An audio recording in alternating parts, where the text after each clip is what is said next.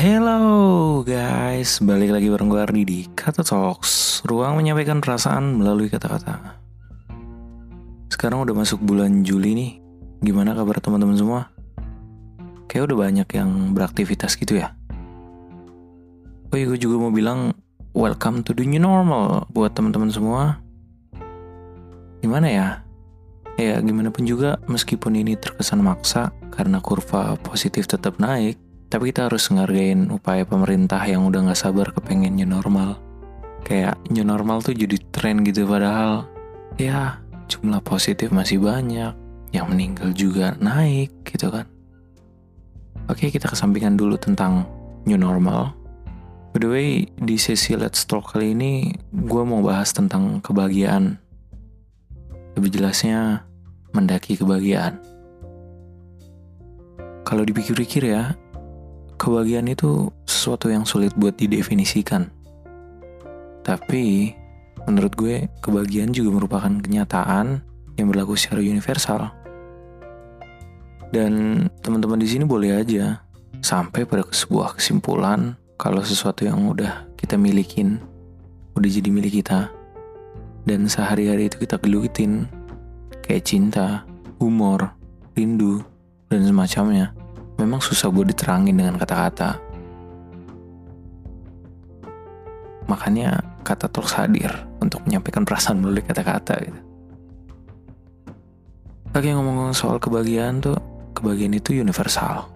Dari kita kecil, kita diasuh dalam sebuah pola alamiah yang meyakinkan kita bahwa sesuatu dan situasi yang bahagia itu adalah situasi yang kita butuhkan.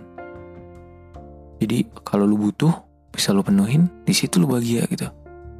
Bahagia mungkin merupakan iklim positif di mana lo menjadi penuh dengan rasa cinta pada segala hal dan merasakan kepuasan yang mencukupi.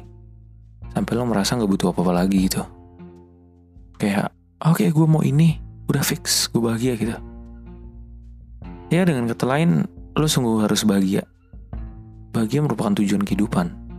Siapa sih orang nggak pengen bahagia gitu? Tapi banyak orang yang terjebak sama aneka rutinitas dan pola-pola kehidupan modern yang membuat mereka salah untuk mengartikan kebahagiaan sebagai kepuasan atas hal-hal yang praktis, saat, atau kolektif. Penting banget buat diingat nih, bahagia adalah hal mendasar dan gak bisa dikompromikan oleh apa pun. Kebahagiaan itu gak bisa dikompromikan sama uang misalnya, atau sama karir yang melesat, atau bahkan popularitas. Punya banyak temen, Mungkin untuk sesaat lo ngerasa puas. Tapi apa lo bahagia?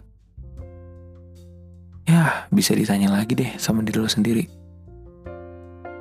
Ngomong soal bahagia juga nih. Jadi gue kepikiran salah satu tokoh filsafat yang terkenal dari Prancis. Namanya Albert Camus. Dia ini pernah dianugerahin sama penghargaan Nobel dalam sastra. Pokoknya uh, orang yang berpengaruh dalam sastra dia juga terkenal mikiran tentang absurditas, makanya disebut absurdis. Nah, kamus ini menganalogikan kebahagiaan sebagai kehangatan dalam diri pribadi. Bahagia adalah hati yang seperti musim semi, katanya. Kapan pun dan di mana pun. Ketika salju turun pun, jiwa yang bahagia menghangatkan diri dan sekitarnya. Dari situ aja kita tahu, kalau bahagia adalah keterampilan yang perlu dipupuk dan dikembangin filosofi kamus ini menurut gue keren sih. Jadi kalau misalnya kayak ketika kita ngerasa di tempat dingin gitu, di tempat yang bersalju, diri kita tuh akan ngehangatin sendiri gitu. Jadi akan punya hal yang bisa naikin suhu tubuh kita sendiri itu. Nah, itu tuh analoginya kayak bahagia gitu. Terus selain kamus tadi, gue juga suka sama teorinya Abraham Maslow nih, zaman-zaman kuliah nih teori priba, uh, teori piramida kebutuhan atau bahasa Inggrisnya the hierarchy of needs. Jadi Maslow ini kan psikolog. Jadi dia ngambarin kebahagiaan dalam piramida kebutuhan yang harus didaki alias kita tuh harus mendaki suatu kebutuhan. Gitu. Di piramida ini, Maslow jelasin kalau manusia itu dalam hidupnya selalu dikejar untuk memenuhi kebutuhan diri. Gila, bukan cuma dikejar mantan cuy bukan cuma dikejar-kejar debt collector tapi dikejar kebutuhan diri juga ya Dimulai dari kebutuhan fisik, misalnya udara, makanan, air, tidur, kehangatan. Terus disusul sama rasa aman. Rasa aman ini dalamnya ada stabilitas, keterjaminan, kesehatan, uang, dan lain-lain.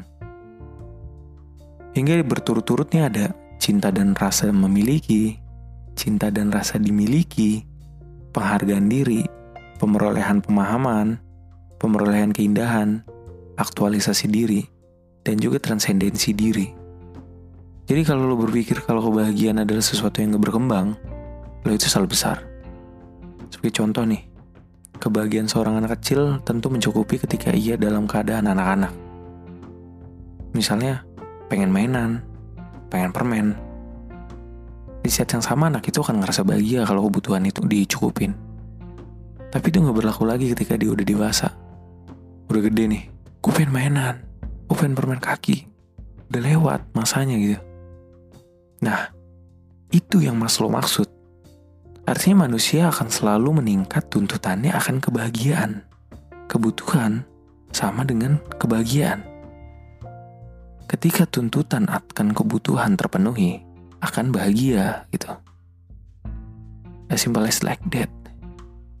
Nah, Maslow juga menyatakan bahwa setiap dari kita itu punya tujuan hidup yang unik. Sesuai sama masing-masing. Di tahap ini biasanya manusia udah tahap dewasa. Udah sadar kalau kebutuhan itu terpenuhi dalam misi jiwa kita. Lagi-lagi, kebahagiaan itu diawalin sama pengenalan yang sungguh-sungguh sama diri sendiri gitu. Banyak orang yang masih belum ngerasa kalau gue belum bahagia, gue belum tahu nih apa sih terbahagia yang pernah gue alamin di diri gue gitu. Itu bahkan ada pertanyaan ketika main truth or truth, apa hal yang paling bahagia yang pernah lo rasain? Banyak. Kan di sini dalam hal yang paling bahagia gitu. Artinya banyak banget manusia yang ngerasa kalau hal sekecil apa pun bisa bikin bahagia ya memang sih. Tapi ternyata untuk mencapai hal kebahagiaan itu juga berimbang sama tuntutan akan kebutuhan. Jadi ada pertanyaan besar. Sudahkah kalian ngerasa bahagia? Kalau belum kira-kira apa yang bikin kalian bahagia? Nah buat tahu lebih dalam kira-kira bagaimana untuk membuat bahagia, sudut pandang kebahagiaan secara mendalam, gue akan bahas di podcast episode selanjutnya. Tentunya di Kata Talks. Jadi, gue khusus akan sharing tentang mengapa harus bahagia di episode selanjutnya. So, gue Ardi. See you on the next episode.